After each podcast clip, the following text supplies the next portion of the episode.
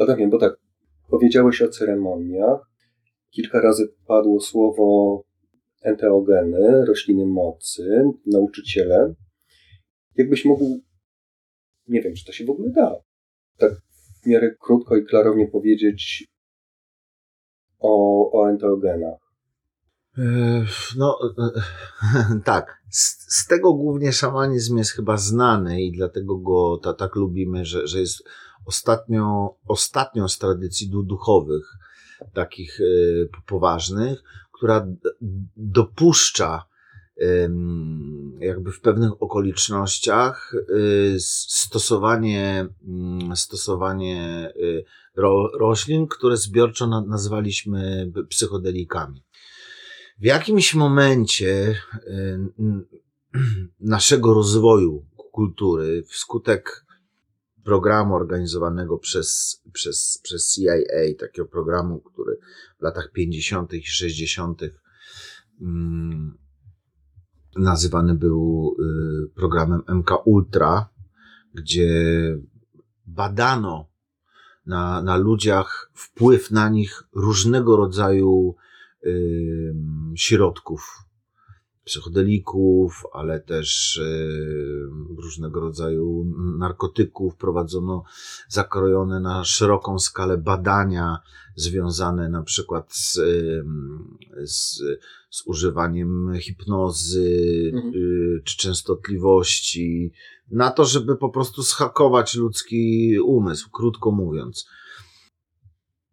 Wiemy o tym, bo, y, bo bardzo wiele z tych dokumentów zostało odtajnionych rozdawano na przykład ludziom LSD po prostu na skalę nie, nie, niespotykaną nigdy wcześniej i nigdy później, badając czy obserwując, co się z nimi wydarzy i czy LSD może być tym środkiem, o którym Huxley pisał w swojej książce Nowy Wspaniały Świat i na, nazwał ten środek Soma, czyli coś, co ma zalety chrześcijaństwa i alkoholu, ale pozbawione jest ich wad, czyli coś, co będzie nas w jakimś sensie przytępiać i czynić z nas nieco pokorniejszych i łatwiejszych do zarządzania. Ale ten eksperyment się nie udał, dlatego że to rozdawanie psychodelików spowodowało nie tylko to, że ludzie nie, nie usnęli, a wręcz zaczęli się masowo po prostu budzić cała rewolucja kulturowa, która w latach 50. i 60. przeszła jak wielka fala przez, przez świat, była rewolucją, można wprost powiedzieć, w jakimś sensie psychodeliczną. Ona, ona zaczęła, za, krótko mówiąc, zagrażać systemowi.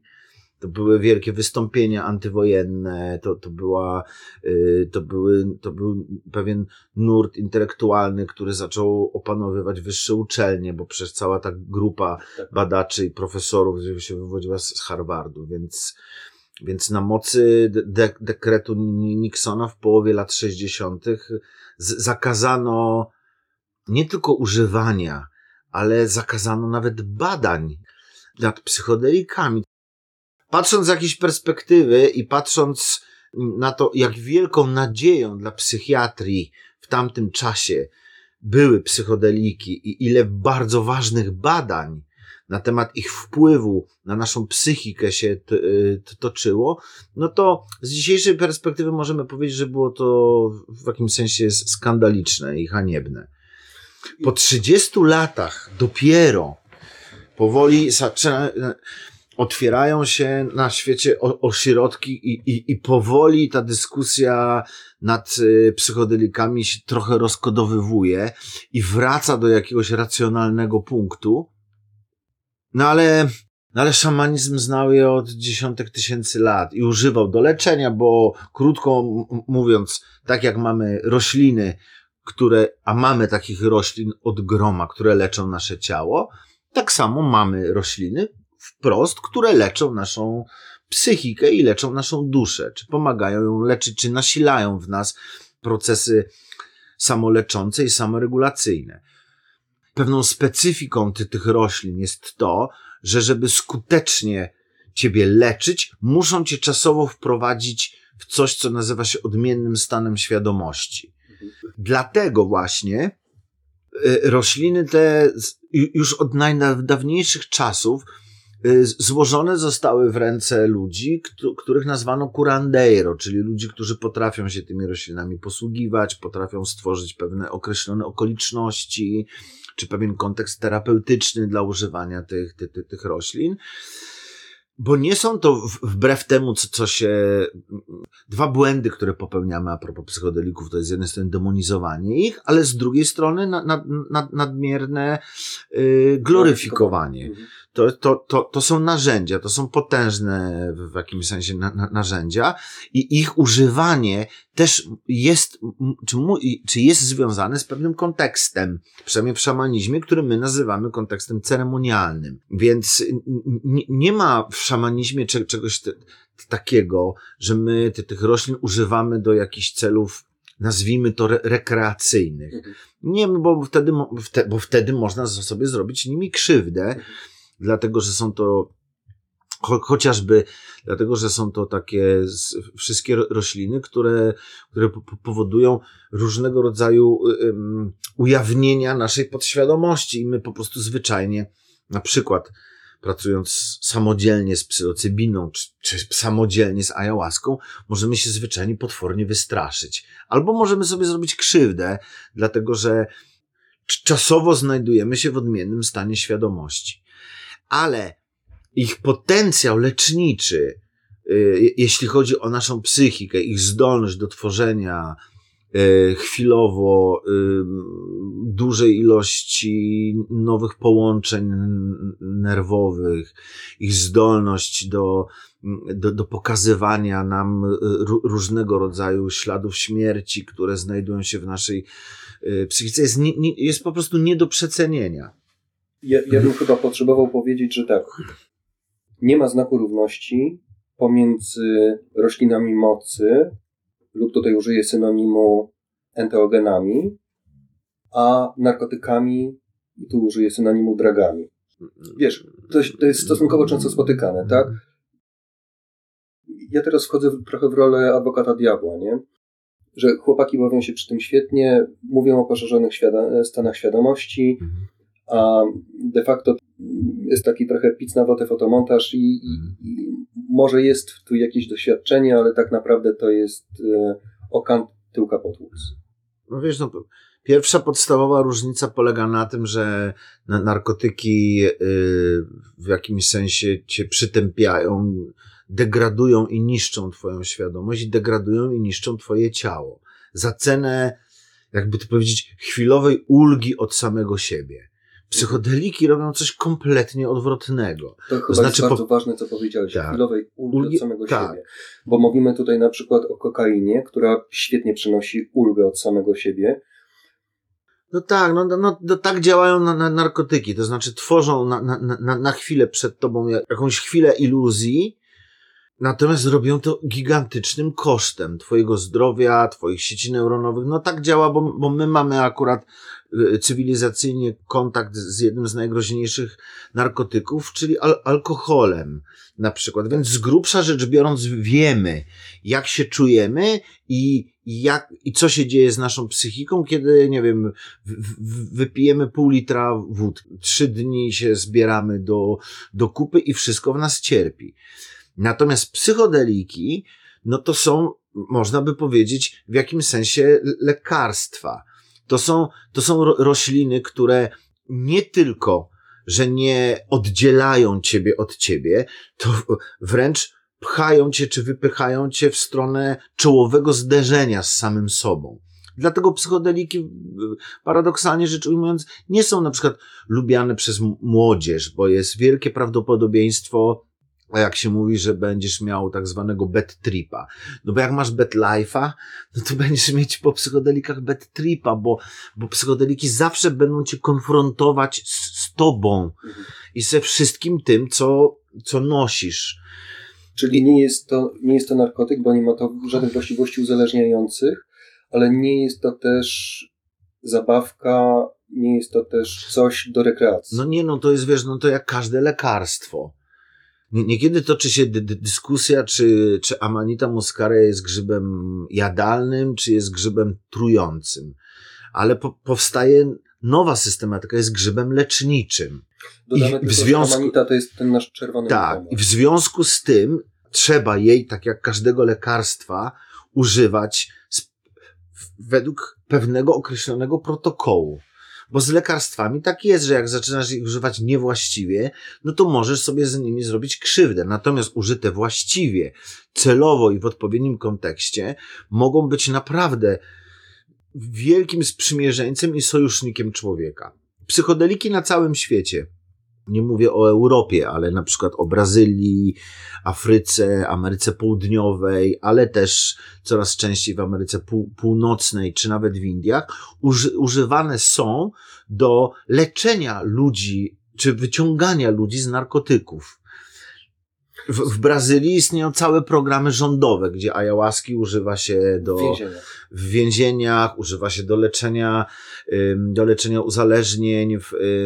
Są bardzo zaawansowane badania nad ibogainą, która potrafi, jedna sesja z ibogainą potrafi na trzy miesiące y, y, spowodować zanik głodu narkotykowego, nawet heroinowego, więc daje ci ogromną szansę. Ja bym tylko dodał, że ibogaina to jest roślina mocy z Afryki. Bardzo, bardzo ciekawa, bardzo, bardzo piękna substancja, bardzo, no, myśl, myślę, że je, jeszcze przed nami odkrywanie ibogainy. I tak to działa. To, że y, przez 30 lat nie można było do końca tych, tych związków badać, to, że nie można było badać psylocybiny, to, że nie można było badać DMT, no, no jest okej, okay, no trzeba to zaakceptować, aczkolwiek wszyscy, wszyscy wolelibyśmy, naprawdę wszyscy wolelibyśmy, żeby, żeby nauce pozwolono rzetelnie nad tymi związkami się pochylić. I zdaje się, że to się powoli dzieje. Tak. Coraz więcej i materiałów, i badań, otwierają się pierwsze, pierwsze kliniki, no przestajemy trochę tak, tak udawać, że tak wszystko, wszystko sami i tylko za pomocą umysłu, bo to, bo to się tak nie da. Jak nasze ciało choruje, to też potrzebujemy lekarstw i też potrzebujemy ziół i też potrzebujemy wsparcia. A jak nasza psychika i dusza choruje, no to jedyne, co ma dzisiaj do zaproponowania współczesna psychiatria, to leki uśmierzające ból. I właściwie stoi na, na, na stanowisku na szczęście już się z tego wycofuje, że, że wszystkie zaburzenia związane z depresją są to za, zaburzenia serotoninowe. Więc jedyne, co możemy zrobić, to, to osłabić działanie y, monoaminooksydazy, żeby serotonin było więcej. Ale, ale to jest, serotonina jest jednym z paruset neuroprzekaźników i, i problem depresji jest problemem dużo bardziej złożonym niż tylko sprawa jakiegoś jednego neuroprzekaźnika. Mam nadzieję, że nasze, że, że nasze dzieci czy przyszłe pokolenia będą mogły z roślin, z lekarstw i z tego, co dała nam natura i tego, co, co y, z, z tego sposobu wsparcia, który daje nam Ziemia, także jeśli chodzi o naszą psychikę, że będą mogli korzystać e, e, legalnie, w sposób e, cywilizowany i wszystko do tego zmierza. Wiesz, ja nie wiem, czy jestem tego samego zdania. Nie, żebym na bieżąco był tutaj z faktami, ale tak. W sezonie zbiorów muchomora czerwonego, czyli Amanity muscari, mieliśmy cały wysyp informacji, jaki to jest trujący i szkodliwy grzyb. I wydaje mi się, że to jest jakiś taki dobry krok w kierunku tego, żeby grzyb wrzucić na listę grzybów e, zakazanych. Mam wrażenie, nie chcę tutaj wchodzić też w jakieś teorie spiskowe, bo jakby po pierwsze nie o tym jest ten podcast, po drugie ja też słabo się czuję w tej materii, ale zastanawia mnie, że rzeczy, które są wspierające, są otwierające, są budujące i pomagające człowiekowi są delegalizowane, natomiast takie substancje jak papierosy, które oprócz tytoniu zawierają mnóstwo chemikaliów, jak alkohol, substancje degradujące nasze organizmy są promowane wręcz. Jakoś, tak. wiesz, Wiesz, to, to musimy zrozumieć, że każdy jeden system kontroli yy, nad nami jest tak zorganizowany i wkłada bardzo dużo wysiłku. Każdy, czy to będą systemy religijne, czy to będą systemy społeczne, czy to będą systemy zarządzania zasobami ludzkimi, wkładają bardzo dużo wysiłku w to, żeby utrzymać nas wszystkich na relatywnie niskim poziomie świadomości. Dlatego, że wtedy się nami po prostu prościej zarządza. Jeżeli zacznie się zdarzać tak, jak zdarzyło się w latach 60. Na, na, na świecie, że ludzie wychodzą na ulicę i próbują zrzucić z siebie pewien obłęd, który się ich wciąga, bo tamte czasy to były czasy, wiesz, wojny jednej, drugiej, wojny w Wietnamie, jakieś, w ogóle jakieś straszne rzeczy, które się działy. No system za bardzo tego nie lubi. To znaczy, system nie lubi za bardzo, żebyśmy byli nazbyt świadomi i mieli zbyt duże poczucie wolności i zbyt duże poczucie samostanowienia. W związku z tym, wszystko, co mogłoby nam to spowodować zbyt szybki nasz, krótko mówiąc, wzrost, no jest, y, albo odcinane, albo zakazywane, albo zabraniane, albo ośmieszane, tak. albo demonizowane, no najróżniejsze sposoby. Natomiast trzeba sobie zdać sprawę z tego, że wrzucenie wszystkich absolutnie tych substancji do jednego wora tworzy dla nas i dla naszych dzieci ogromne zagrożenie. Dlatego, że teraz wyobraź sobie taką sytuację. Jeżeli, jeżeli marihuana i heroina i grzyby psylocybinowe są dokładnie w tej samej grupie, czyli nie, niebezpiecznych narkotyków, to nie, nie pamiętam P1 czy N1, ale taki w Polsce z grubsza rzecz mają status. Jeżeli ktoś spróbuje podczas ceremonii, nie wiem, amanity, no, czy grzybów psylocybinowych, czy czegokolwiek i zobaczy, że jego życie się zmieniło na plus, i że pomogło mu to przepracować, nie wiem, traumy, czuje się lepiej, czuje się zdrowszy, jego ciało się oczyściło i tak dalej, no to może pomyśleć, że tak jest, a jest to zakazane, to może pomyśleć, że wszystkie te substancje tak działają. Tak. I to jest kolejny krok do tego, żeby traktować na przykład, nie wiem, amfetaminę, heroinę, opiaty, yy, kokainę, czy różnego rodzaju dopalacze, których jest teraz niezmierzona i, i ilość. Z, jako substancje pomagające. Jako substancje pomagające. No, no nic bardziej mylnego, bo to są, bo to są jednak bardzo różne związki. Pomimo, że i te, i te wprowadzają nas w, yy, w coś, co nazywamy odmiennym stanem świadomości, ale zupełnie inny stan, w zupełnie innym celu i wszystko jest inne. Porównam tutaj jeszcze tylko ostatnie po porównanie. No takie, yy, no to można by było powiedzieć to, to jak masło i margaryna. No i to i to jest tłuste, ale tu podobieństwa się kończą. Tak.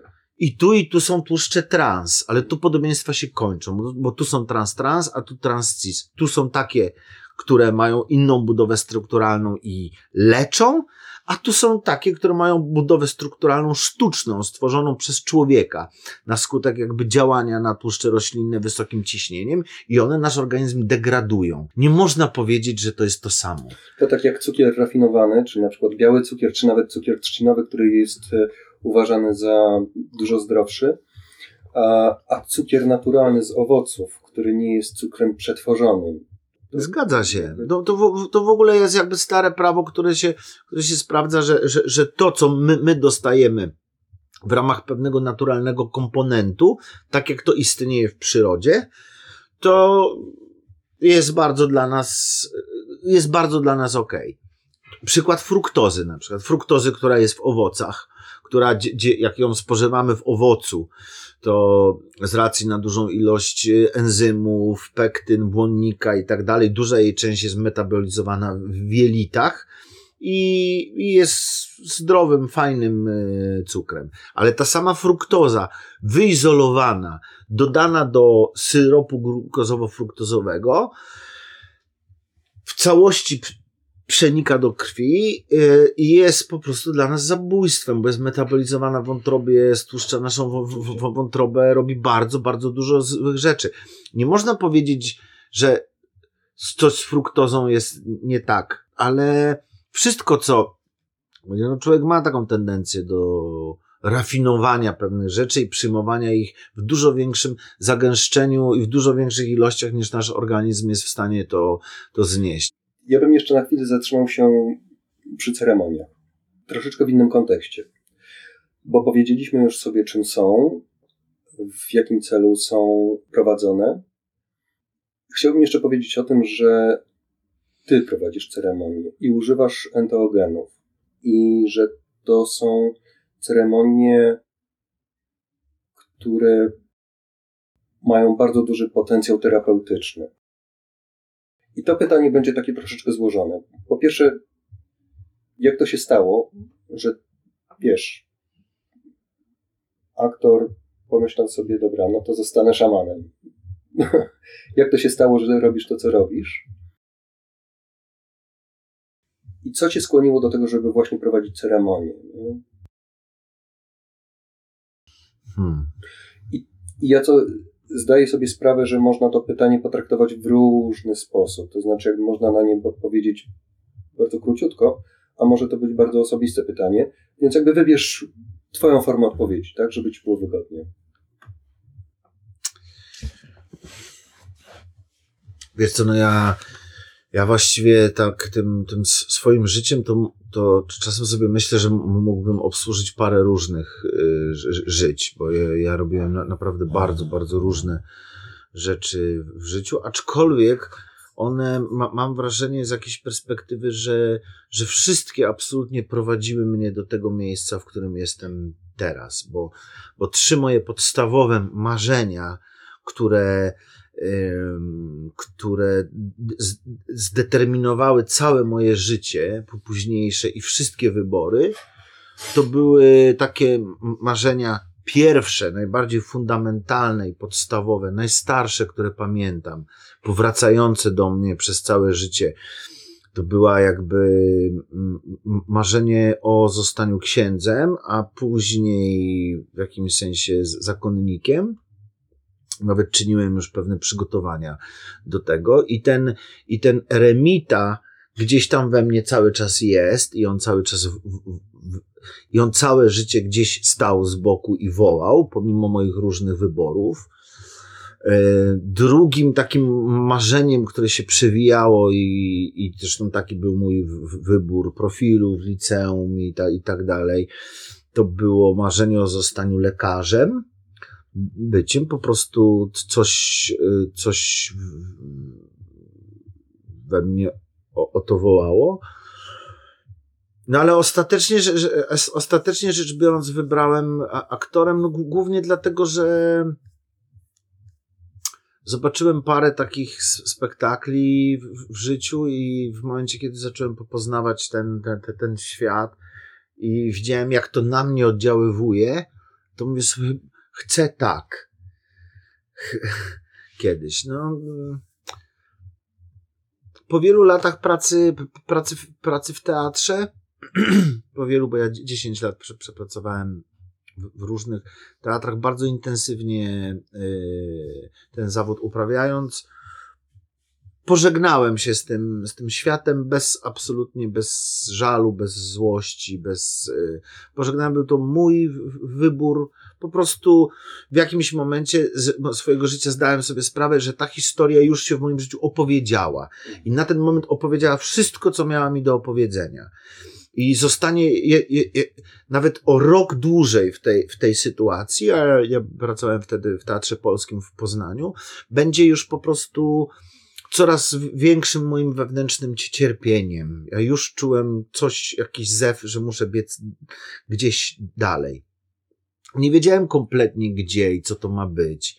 My wtedy wyprowadziliśmy się, to było paręnaście lat temu, wyprowadziliśmy się tutaj na wieś, ja zrezygnowałem z pracy w teatrze, ale nie miałem żadnej, żadnego pomysłu czy żadnej alternatywy wracając do początku naszej rozmowy, czy to był ten moment tego puszczenia się bandy i pytania się... Zdecydowanie tak. Z zebrania wszystkich kart ze stołu, potasowania ich jeszcze raz, potężnego zaryzykowania, bo my mieliśmy dwójkę maleńkich dzieci, trzecie było w drodze, kupienia starego domu na wsi, który przez sześć lat remontowaliśmy, wejścia w jakąś totalną przygodę, bo, bo, bo, to, bo nie mieliśmy też ani środków za bardzo, ani nic i takie no po prostu rzucenie się. I, i, i, i to jest takie, no wiesz, to jest takie pójście w jakimś sensie za, za ognikiem, za czymś, co ci majaczy, ale nie wiesz do końca, co z tego wyniknie. Ja tylko, ja tylko wiedziałem w sobie, że ja już nie mogę dłużej mieszkać w, w mieście cudownie się złożyło, że, że moja żona Marzenka by myślała bardzo podobnie, bo to niekiedy się nie, nie składa. U nas to się złożyło. Więc e, zaufaliśmy temu. Czy to nie było tak, że jakby dobra, to teraz składam karty ze stołu, ale już wiem, jakie będzie rozdanie. Nie, absolutnie nie. Ja wiesz, że tu przyjechałem i że miałem takie, no to się w ogóle zastanawiałem, mówię, co to w ogóle ja będę dalej tu robić, no wynajęliśmy, nie mogliśmy w tym domu, gdzie jesteś, zamieszkać, wynajęliśmy pokój w technikum rolniczym, byliśmy w zupełnie nowym miejscu dla siebie, nie znaliśmy nikogo, nie mieliśmy za, za bardzo pracy, bo ja jeszcze przez chwilę próbowałem na odległość dojeżdżać do teatru do Poznania, ale to takie były, więc wszystko zaczynaliśmy, wszystko zaczynaliśmy mm, od nowa ale jakoś tak bardzo czuliśmy, że ten dom i ta przestrzeń tutaj jest dla nas czymś mega ważnym i że ten dom jakby zbuduje dom, czyli zbuduje nas też w jakimś sensie. I mm, no wiesz, przeszliśmy tu mnóstwo problemów i mnóstwo historii takich, e, których nie czas, żeby, żeby opowiadać, ale to było na, na, naprawdę sześć lat takiego życia na budowie, bo ja tu wszystko robiłem sam, walki o to, jak dożyć do, do pierwszego, a z czego to w ogóle remontować, a co robić. Też takiego trochę pogubienia się i, i zapuszczenia w życiu. I w momencie, kiedy, kiedy ja tu zacząłem sobie już układać jakoś życie trochę inaczej. Nadal bez planu, że to szamanizm. Tak, nie, no ja byłem, ostatecznie rzecz biorąc, doszedłem do takiego punktu, który to punkt mógłby się wydawać z mojej ówczesnej perspektywy takim dosyć pożądanym. Znaczy ja zostałem dyrektorem Domu Kultury, byłem rzeczywiście tutaj osobą dosyć taką aktywnie działającą, wszędzie organizującą, robiącą koncerty, festiwale, animującą życie y, wokół, rozpoznał i czułem się z tym dobrze. Tylko z, z momentem wybuchu y, tego, y, ty, tych całych mm, manewrów medyczno-społecznych zwanych pandemią, to wszystko w momencie pękło po prostu jak krótko mówiąc, jak bańka mydlana. To znaczy, ta firma eventowa, którą mieliśmy nagle z dnia na dzień przestała istnieć. Moja praca też w ogóle straciła sens, bo cała moja praca polegała na tym, że ludzie gromadzić ludzi. Muszą nie bać się stanąć obok siebie i wspólnie coś poprzeżywać. I to był, i to był potężny kryzys w moim życiu, ale mm, no bo też w momencie właściwie zawaliło się, zawaliło się w zasadzie wszystko, na czym ja budowałem swoje życie przez wiele ostatnich, e, przez wiele ostatnich lat. I tak jak powiedzieliśmy sobie na początku, ale kryzys jest zawsze zaproszeniem. Mhm. Ponieważ e, ja po wybuchu pan, pandemii te, też tak się, tak, tak się poukładała sytuacja, że, że też przestałem być dyrektorem, więc wyrzucono mi wszystkie podpórki, mhm. które miałem i wszystkie protezy, które sobie zbudowałem. Więc już po prostu nie mogłem się odwołać do niczego. Nie mogłem przez dwa lata pracować w żaden sposób w swoim zawodzie, ani będąc aktorem, ani będąc za bardzo reżyserem, więc nie, nie, nie mogłem już, technicznie rzecz biorąc, nie mogłem myśleć o trzymaniu się czegokolwiek, co, co mnie do tej pory jakoś tam budowało. E, I, i, po, I po dłuższej chwili takiej, takiej ciemności, dosyć bolesnego rozbierania mnie kawałek po kawałku i konfrontowania mnie z takimi najgłębszymi lękami, które w sobie nosiłem przez całe życie, ale nie miałem czasu, żeby, żeby się z nimi spotkać. Czyli w moim przypadku był to taki taki głęboki lęk przed odrzuceniem i robieniem mnóstwa rzeczy w życiu, żeby tylko ktoś mnie przyjął, zaakceptował i tak dalej, i tak dalej. I po przeżyciu takiego, no, roku, co, co by nie powiedzieć, dużej ciemności, gdzieś za, za, zaświtała mi taka myśl, że skoro już mam jakiś czas w swoim życiu i właściwie nie pracuję, i, ale to był też bardzo trudny czas y, finansowo, bo my nagle zostaliśmy bez środków do życia i tak dalej. To przyszło mi do głowy, że ten czas jest mi po coś dany. Jest taka intuicja. I może po prostu jest mi po to dany, żebym, żebym wrócił do jakiejś swojej najgłębszej intuicji, do jakiegoś najgłębszego marzenia i do jakiejś takiej mojej przygody, która do tej pory była moją pasją, która gdzieś się budowała od paru lat w, w drugim planie, no niemniej jednak bardzo wołała mnie konsekwentnie. W tym wypadku była to Amanita Muscaria po prostu, którą mhm. ja mm, i postanowiłem sobie, mówię, kurczę, no właściwie nigdy zawsze marzyłem o tym, żeby żeby żeby mieć jakiś swój kanał na, na YouTube, bo, bo mhm. wydawało mi się, że że, że, że, że mam parę jakichś tam fajnych opowiastek do opowiedzenia, ale okazało się to dużo trudniejsze niż myślałem, bo tak jak rozmawialiśmy, wszystko było fajnie, wszystko fajnie gadałem, dopóki nie włączałem kamery. Jak włączałem kamerę, to zaś w ogóle nie mogłem trzech słów powiedzieć, więc to też parę tygodni pracowałem na, sobie nad tym, włączałem dyktafon, coś tam gadałem i mówiłem, zanim odważyłem się nagrać ten pierwszy film, taki, który nagrałem po, po, pod, pod wiatą y, Amanita Muscaria dla początkujących, myśląc, że będzie to jednorazowy film, bez żadnych, absolutnie, bez żadnych marzeń czy wymyśleń, do, dokąd mnie to z, z, zaprowadzi. I, I feedback, i odzew jakby na ten film był tak fajny, i tyle, jakby, tyle życzliwości dostałem od osób, które, które ten film jakoś tam obejrzały, mimo że nie była to jakaś oglądalność 100 tysięczna, bo to było parę dziesiąt czy parę, paręset osób, ale pomyślałem sobie, wow, to jest w ogóle to, co robię, jest dla kogoś ważne. Przerwę ci Adam hmm. na chwilę, dlatego że Amanita Muscaria dla początkujących to jest pierwszy, to jest chyba e, siedem części, o ile dobrze pamiętam.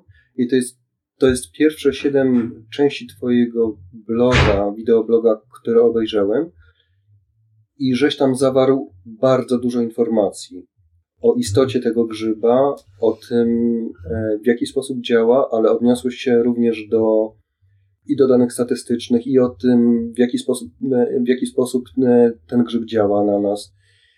Wykonałeś bardzo dużą pracę nad, Jezu, jak to powiedzieć? Wypadło mi słowo zdedemonizowałeś tego grzyba. Tak mi się wydaje, że, że jakieś takie udało mi się zaszczepić pewien, pewien nowy sposób myślenia a propos Amanity, bo to, bo to trzeba przypomnieć, że to było um, bez mała trzy lata temu, kiedy jeszcze temat Amanity nie był aż tak rozpoznany, czy tak. mikrodozingu nie był aż tak rozpoznanym te, te tematem. To znaczy, to już było po książce Waldka Borowskiego, ale to był cały czas i i przy okazji tych filmów zdarzyło się parę takich cudów, absolutnych cudów, to znaczy gdzieś pojawiły się jakieś osoby, które, bo, bo ja w pewnym momencie szczerze, po prostu szczerze poprosiłem o pomoc, bo ja nie miałem kompletnie z czego żyć, wiesz, nagrywanie filmów na YouTube to nie jest żaden dochodowy biznes, zwłaszcza, że ja nie mam przy tych swoich filmach jakichś tam reklam czy, czy czegoś, więc po prostu poprosiłem tych moich słuchaczy o jakąś tam pomoc, Mówię, no, ale coś muszę robić. W międzyczasie próbowałem jeszcze, jeszcze chwytać się innych rzeczy, sprzedawać jakieś panele fotowoltaiczne, no coś, żeby się w ogóle utrzymać na, na, na powierzchni. I ten odzew był tak mega fajny. Ja sobie pomyślałem, kurczę, blade, no jeżeli to jest, e, jeżeli nawet jest jakaś garstka ludzi, dla których to jest ważne i którzy chcą się ze mną wymienić jakąś tam e, energią za, za moją wiedzę, to może to jest coś, czego by, by na, gdzie by należało szukać tego swojego powołania. Potem, potem wiesz, po, potem to wszystko po, zaczęło iść bardzo szybko i zaczęło się rozwijać trochę po, poza mną. I to na, na, naprawdę do, nie chcę ze szczegółami opowiadać, ale to jest nagle cała seria jakichś wydarzeń, przypadków, jakichś rzeczy, osób, które się pojawiają w Twoim życiu i Cię właściwie sobie przekazują z rąk do, rąk. I to, nie wiem, czy masz takie wrażenie, ale ja miałem takie wrażenie, że ten czas tej pandemii to był taki czas mega przyspieszenia. Mega właściwie za wszystko, co, co, z czym ja, to były dwa lata takiego mega intensywnego wzrostu i takiego dosyć brutalnego odzierania mnie ze wszystkiego, czy, na czym do tej pory ja próbowałem zbudować swoją wartość i jak tylko czegoś się z, zbyt mocno przytrzymałem, to po prostu dostawałem bęcki na, na, na maksa. I tak jakby tro, to trochę jakby ta rzeczywistość już troszeczkę straciła do mnie, do, do mnie cierpliwość. Tak, i te rzeczy po prostu zostały, zostawały mi za, brutalnie zabierane, a jak czegoś nie chciałem puścić, to dostawałem straszne Ciry. bęcki i wciry i to takie, że po prostu leżałem przy ziemi i dy, dy, dyszałem, bo to był też taki czas w ogóle układania się po, po, po, wielu, wielu latach e, małżeństwa, na nowo mojej relacji z, e, z Marzenką, na nowo mojej relacji ze mną, mojej relacji ze, ze, ze światem, w ogóle poza tym, wiesz, no... Mówisz o jakiejś generalnej zmianie. No tak, znaczy mówię o tym, że wstawałem rano i słyszałem tylko jeden głos, tylko jeden głos mnie prowadził pod tytułem utrzymaj swoją wizję, bo tak rzeczywiście go słyszałem, tylko ja nie wiedziałem, co to jest za wizja. Aha. Rozumiesz? To ja nie miałem żadnej wizji, że a okej, okay, będę, to teraz będę szamanem, będę sobie robił ceremonię. Wiedziałem, że gdzieś mam iść, i po prostu szedłem krok za krokiem, krok za, za krokiem. Wszyscy, wiesz, no, trudno jest być prorokiem we własnym kraju. Wszyscy patrzyli na mnie, Adaś, Adaś, Adaś, ten, Adaś, tak, to, to, w ogóle, wiesz, no, musisz się w jakimś swoim środowisku trochę narodzić na nowo. Mało tego przekonać wszystkich, przekonać samego siebie, że w ogóle jesteś godny, możesz i tak dalej. To jest, to jest długi, skomplikowany proces. Niezwykle Niezwykle. Aczkolwiek u mnie on się odbywał w takim bardzo przyspieszonym tempie, co ym, nie ukrywam, że było to dość bolesne i, i nauczyło mnie jednego, to znaczy tak bez, ym, bez żalu porzucać rzeczy, które już mnie nie budują. Bez żalu i, i, i nawet po tym, po tym czasie tych dwóch lat takiego dużego, dużego niepokoju i uczenia się mnóstwa rzeczy zupełnie od nowa, zdałem sobie sprawę, że jakość naszego życia za, zależy od, od naszej zdolności do żegnania się z pewnymi rzeczami. Ja miałem o tyle prościej, rozmawialiśmy o tym, jak ty przyszedłeś, ja miałem o tyle prościej, że mi nie zostało nic. Rozumiesz, ja już, bo, bo i gdybym został, gdybym mo, może zostałem jakaś jedna praca, no to człowiek niechętnie to opuszcza. A mi zostało w momencie zabrane wszystko. Mało tego, zostałem jeszcze postawiony twarzą w twarz ze swoim tym najgłębszym lękiem. Znaczy na chwilę mnie wszyscy znienawidzili, wypluli, wy, wy, wyrzucili ludzie, którzy ko kochałem, mnie kompletnie zanegowali, więc był taki moment mojego życia, że ja zostałem kompletnie sam, mhm. z wielkim pytaniem, które wyświetlało mi się, to popatrz, na czym budujesz poczucie swojej wartości. Czy na ciągłym uznaniu mhm. ludzi, które jest pstrym koniem, czy, czy, czy na swojej sile? Gdzie jest twoja siła wewnętrzna i w czym ona jest? I wiele, wiele miesięcy minęło, zanim ja zacząłem to y, y, rozumieć, wiele kroków po, po omacku. Może z dzisiejszej perspektywy już tak o tym nie myślę, ale, ale parę też takich nieudanych y, decyzji, plus do tego, żeby była jasność, to wszystko działo się też w takiej, wiesz, no, pod ogromną presją finansową. Oczywiście. No to jest, wiesz, trójka dzieci, ro, rodzina, jak, jakieś zobowiązania, jakieś kredyty, jak nagle jak z takiego rozpędzonego życia wszystko puf, hamuje. No ale nauczyło mnie to bardzo dużo. I, i, i przeszedłem, przechodzę cały czas prze, przez te rzeczy, bo to jest cały czas taki moment mojego przepoczwarzania się, mhm. czy takiej metamorfozy, tylko no, już jest troszeczkę spokojniej, ale i dopiero zrozumiałem, co to znaczy po tym czasie, potem czytając Eliadego, po raz powtórny jego książkę Szamanizm, jak czytałem o tych wszystkich takich, wiesz, rytuałach szamańskich. Szamanizm i archaiczne techniki, techniki ekstazy. tak.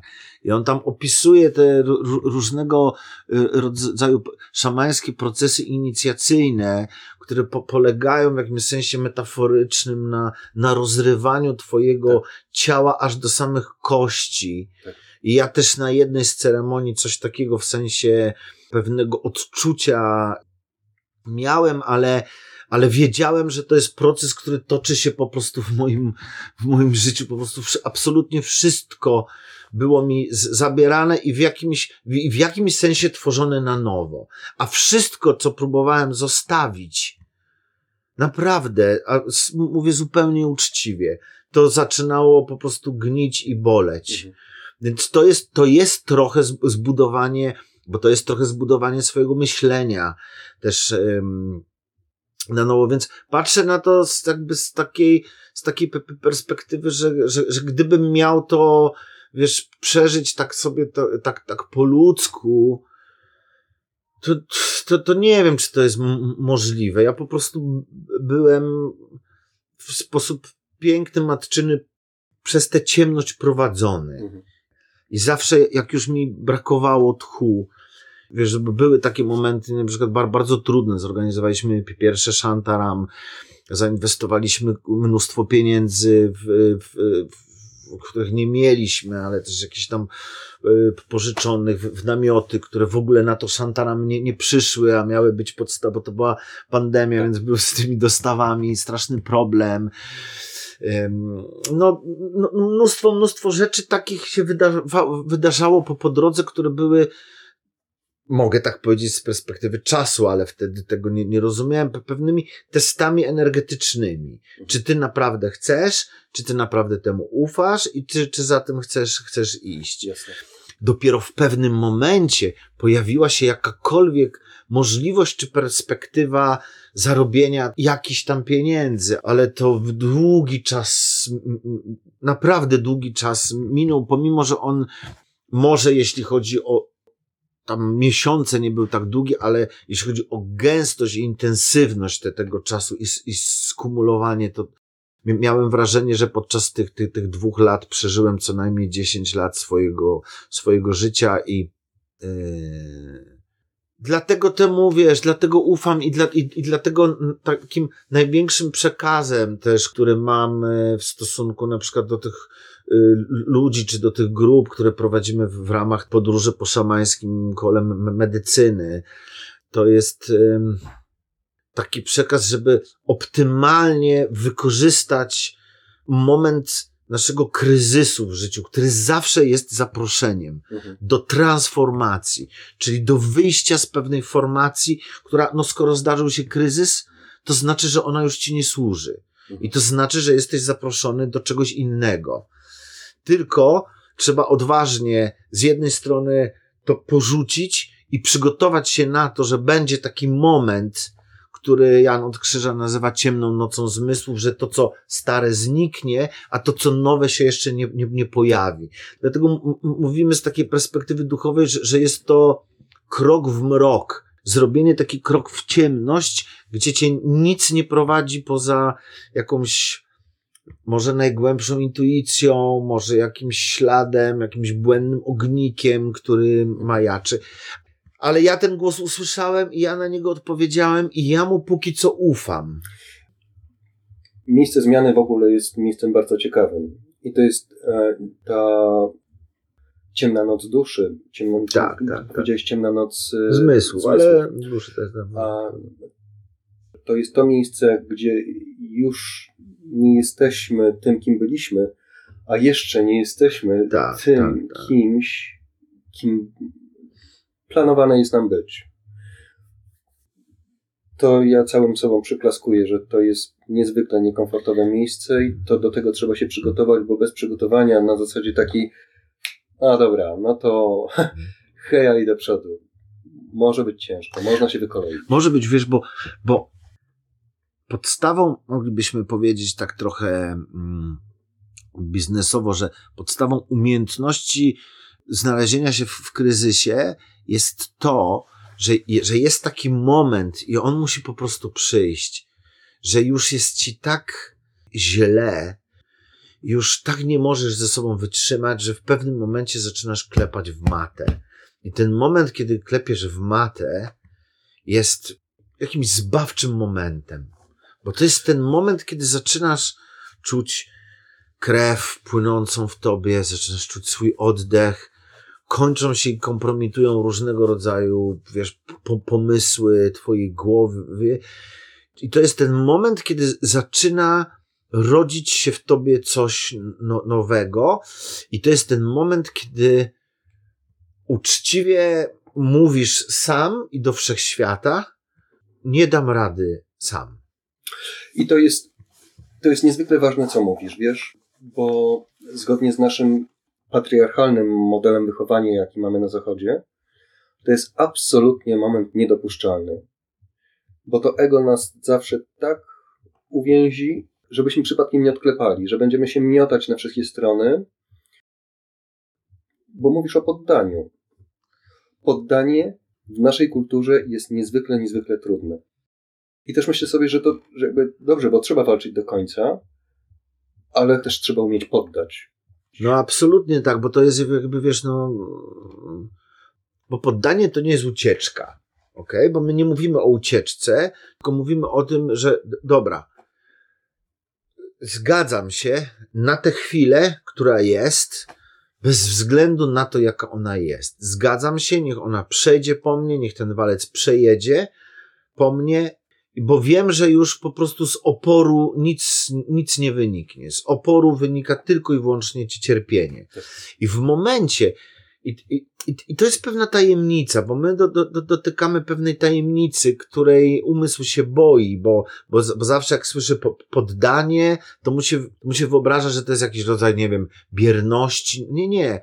Jeżeli, jeżeli jest w tobie akceptacja i poddanie w stosunku do każdej chwili, która przychodzi, to ty ją zaczynasz widzieć i ty możesz zacząć działać.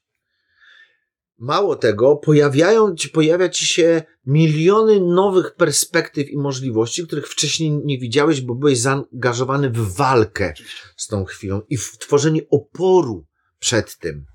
To jest stara nauka szamańska. Na ceremonii, dopóki walczysz, no to walczysz. No to... Jak się poddasz, to wtedy zaczyna otwierać się coś, o, czego w, ogóle wcześniej nawet nie, nie przypuszczałeś, że, że jest, bo zaczynasz zdobywać możliwość spojrzenia na tę sytuację z paru różnych perspektyw, których wcześniej nie mogłeś zobaczyć, bo byłeś zaangażowany w walkę. Tylko pierwsze co?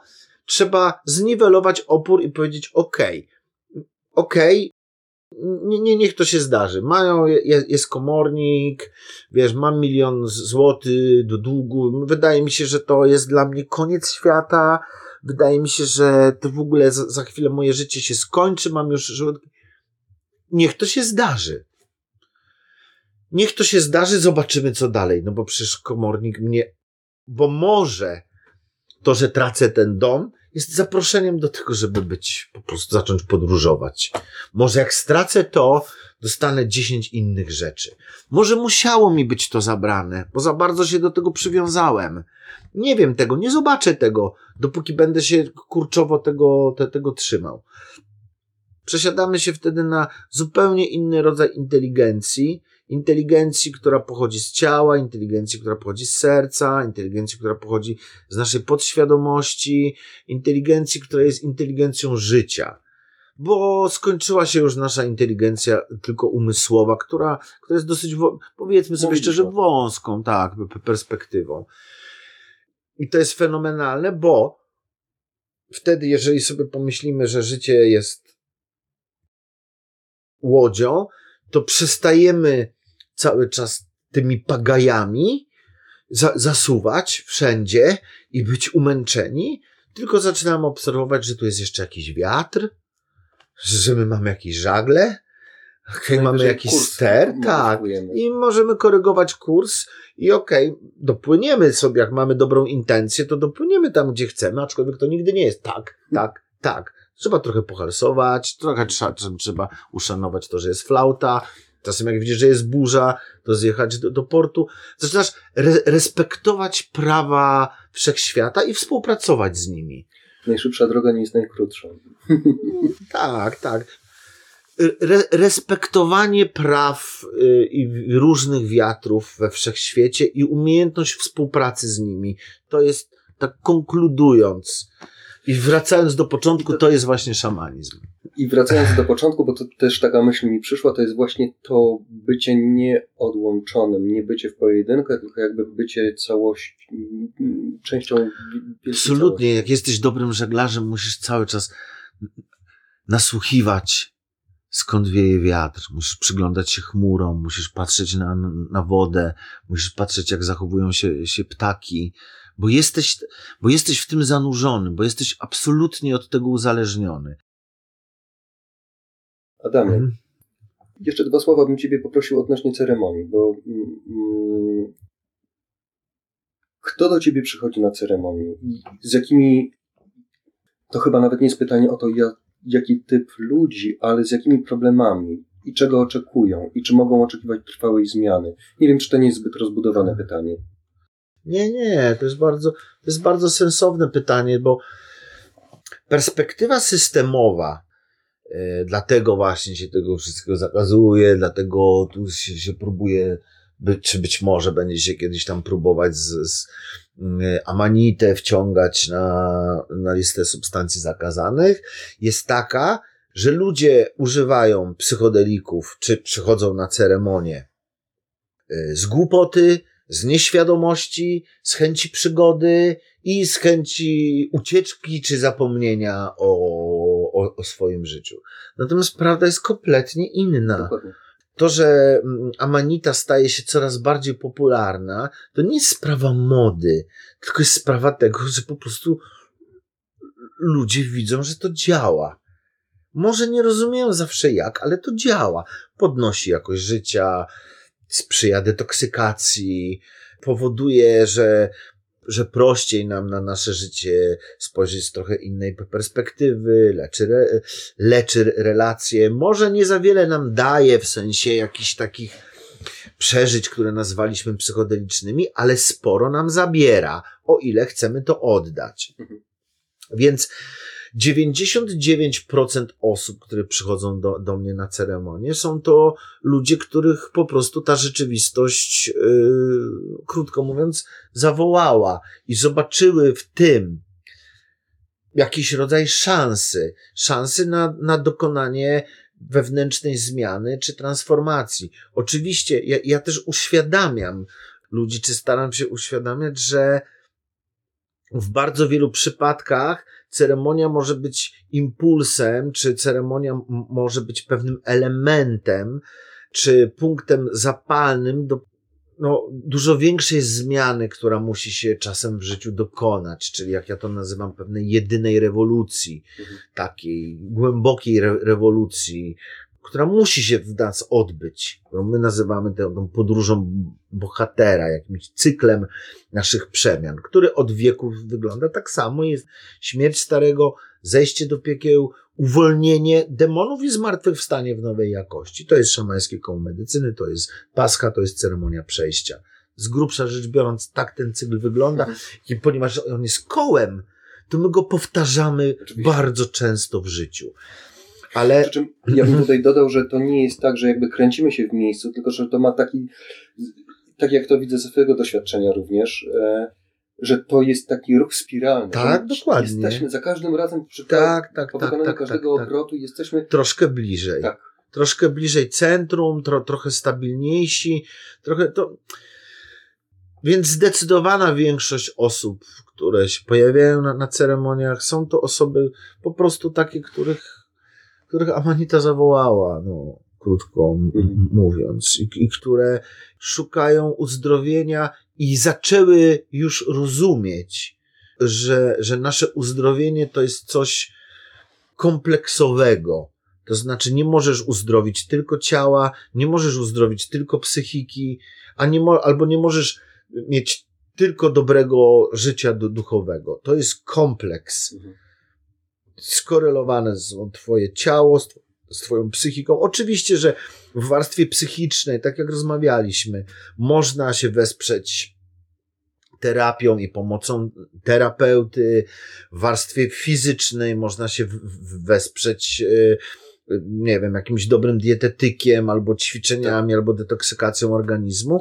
Natomiast przestrzeń duchową porządkują praktyki duchowe i a, a ceremonia moja ceremonia, bo ceremonie są różne, no, jest elementem pewnych praktyk duchowych też. Mhm. Duchowych, ale co ważne, niereligijnych, nie, nie związanych z żadnymi, ani w żadnym sensie nie zaburzających niczyjego żadnego światopoglądu, dlatego że duchowość naturalna odnosi się do naszego ciała, odnosi się do naszej podświadomości, do naszej nadświadomości, do naszego oddechu, do, y, do czterech żywiołów, do kontaktu z ziemią, do, do zrozumienia i odnowienia relacji z tym, co nas tworzy na poziomie fundamentalnym, bo wszystko inne tożsamości, bogowie, coś, to już są rzeczy wtórne, to każdy może sobie taki, taki interfejs w życiu stworzyć do komunikowania się z tą rzeczywistością, niejawną, jakim mu tam,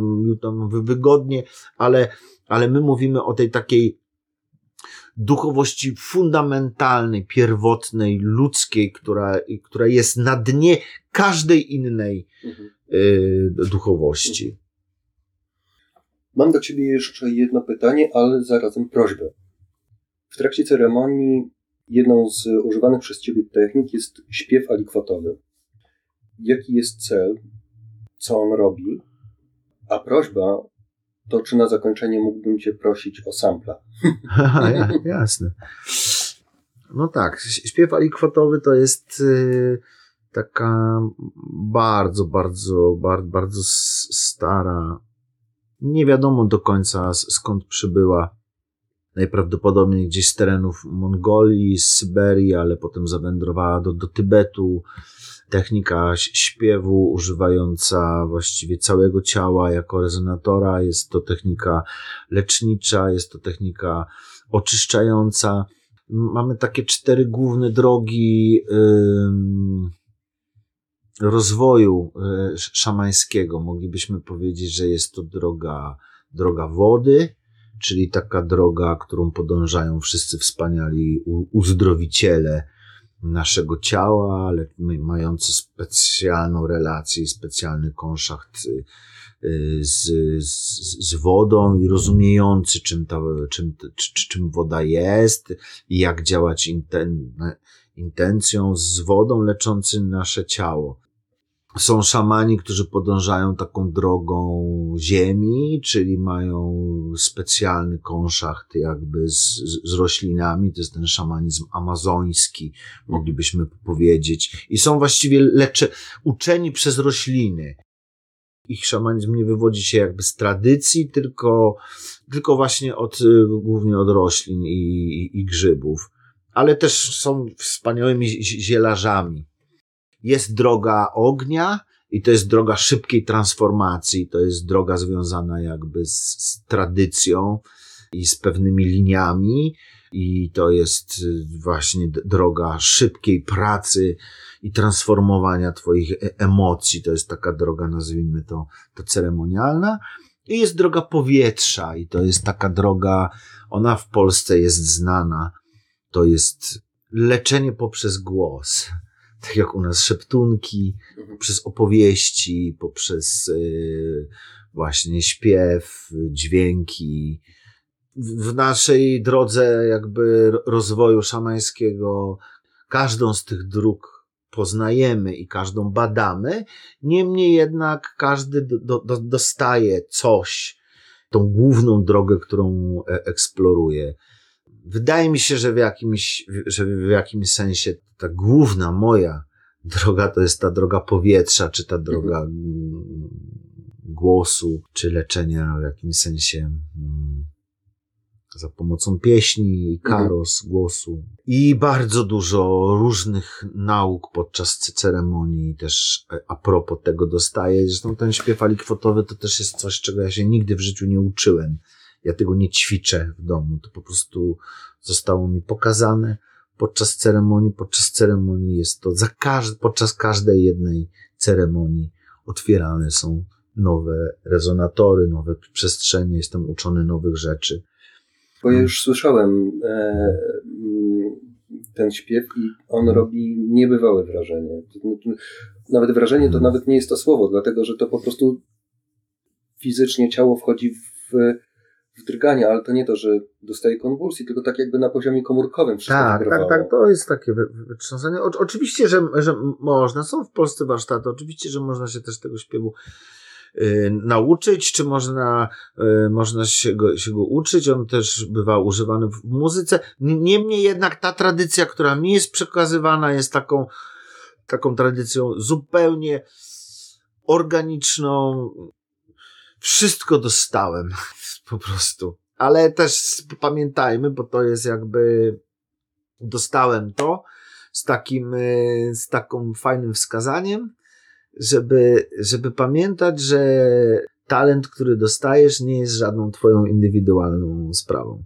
To znaczy, jeżeli dostajesz jakiś talent, to dostajesz go po to, żeby służyć jakiejś społeczności. Jeżeli, zresztą tak w szamanizmie mamy taką opowieść, że jeżeli dostaniesz jakiś talent i go schowasz w sobie, to staje się on jak. Gorący, rozgrzany kamień, który cię wypala od Mhm. środka i staje się twoim wielkim ciężarem i Mhm. staje się wielkim przyczyną nieszczęść. Energia, którą dostajesz jest po to, żeby ją puszczać dalej. Tak samo jak nie ma szamana, bo nie ma szamana bez duchów, tak samo nie ma szamana bez plemienia. Wszystko, co dostaje szaman, dostaje tylko i wyłącznie po to, żeby się tym dzielić i żeby dbać. I każda próba zatrzymania czegokolwiek na sie dla siebie i zbudow- budowania z tego jakiejś swojego osobistego poczucia czegokolwiek, akurat w szamanizmie kończy się zazwyczaj źle. Bo, bo my jesteśmy o tyle bezpieczni, że my jesteśmy. Wiem, że to może tak dosyć zagadkowo brzmieć, ale to jest duży, fajny temat. My jesteśmy prowadzeni przez duchy, które wiedzą o nas dużo, dużo więcej, znają na, na, nasze myśli i dokładnie wie, wiedzą. I dokładnie wtedy, kiedy schodzimy z pewnej ścieżki, to i my, i oni wiedzą, że schodzimy. Mhm. Więc my wiemy też, że my nic bez tych duchów nie potrafimy jakby Oczywiście. zrobić i bez ich opieki, Mhm. ale że też dostajemy ich opiekę i że to jest współpraca jakby w dwie strony, to znaczy ja mogę z tymi duchami współpracować za każdym razem, kiedy ich pomoc jest mi potrzebna, ale za każdym razem, kiedy moja pomoc jest potrzebna, kiedy one zawołają, to ja też jestem. I w ten Mhm. sposób tworzymy różnego rodzaju pola też wsparcia pomiędzy sobą i, i dlatego w tych przestrzeniach, w tej przestrzeni pola dzieje się bardzo, bardzo dużo. Jeszcze tylko na koniec tak powiem, bo, bo zacząłem mówić o tych duchach, a to jest czasem mylone. Kiedy szamanizm mówi o duchach, nie mówi o duchach w sensie ghost, tylko o duchach w sensie spirit. Mhm. Spirit, czyli pewna esencja. Świadomość jest immanentną cechą rzeczywistości. Wszystko, co żyje, posiada świadomość i posiada swoją esencję. My uważamy, znaczy uważamy, doświadczamy tego, że z tą świadomością, która jest w roślinach, w zwierzętach, w minerałach, ale też w pewnych rzeczach stworzonych, my możemy się poprzez naszą podświadomość skomunikować i to nazywamy duchem. Więc żeby była j- jasność, że że, bardzo, że, że szamanizm nie ma absolutnie nic wspólnego z żadnymi współczesnymi new age'owskimi y, Ezoterycznymi. praktykami ezoterycznymi, astralnymi, wywoływaniem duchów, spirytyzmem. Nie, wr- ani wręcz, też z czarną magią, to nie, Nie, nie, jest nie, nie, nie. wręcz przestrzega przed w, w, w jakimś sensie przed takimi wszystkimi tak, ja, ja, jakimiś wchodzeniami w, w zbyt bliskie relacje z, z czymś, co nie jest już życiem, krótko mówiąc. Mhm. No. To, to jest duży temat, pomimo że bardzo szanujemy mm, na, naszych przodków i pola, które stworzyli, ich energia zostaje tu w polu. Niemniej jednak jednym z największych niebezpieczeństw w nasz, dla naszego życia jest próba y, utrzymania zbyt mocno w swoim polu śmierci, czyli kogoś, kto odszedł i powinien odejść, a my jeszcze się cały czas kurczowo trzymamy. I to chyba dotyczy nie tylko ludzi, ale w ogóle idei, koncepcji, wszystkiego, co, wszystkiego, co nam nie służy. Tak, tak. Myślę, że najlepszą konkluzją naszej rozmowy jest to, szanujmy nasz kryzys, że jesteśmy w kryzysie i naprawdę zobaczymy, że, że, że kryzys jest zawsze zaproszeniem i zawsze pewną możliwością, która się otwiera w naszym, w naszym życiu. Konkluzja bardzo mi się podoba. Kryzysy trafiają nam się wszystkim, więc jestem, jestem cały happy, żeby jakby ten odcinek był w intencji zadbajmy o nasze kryzysy. Bardzo Ci dziękuję, Adamie, za spotkanie. Dzięki.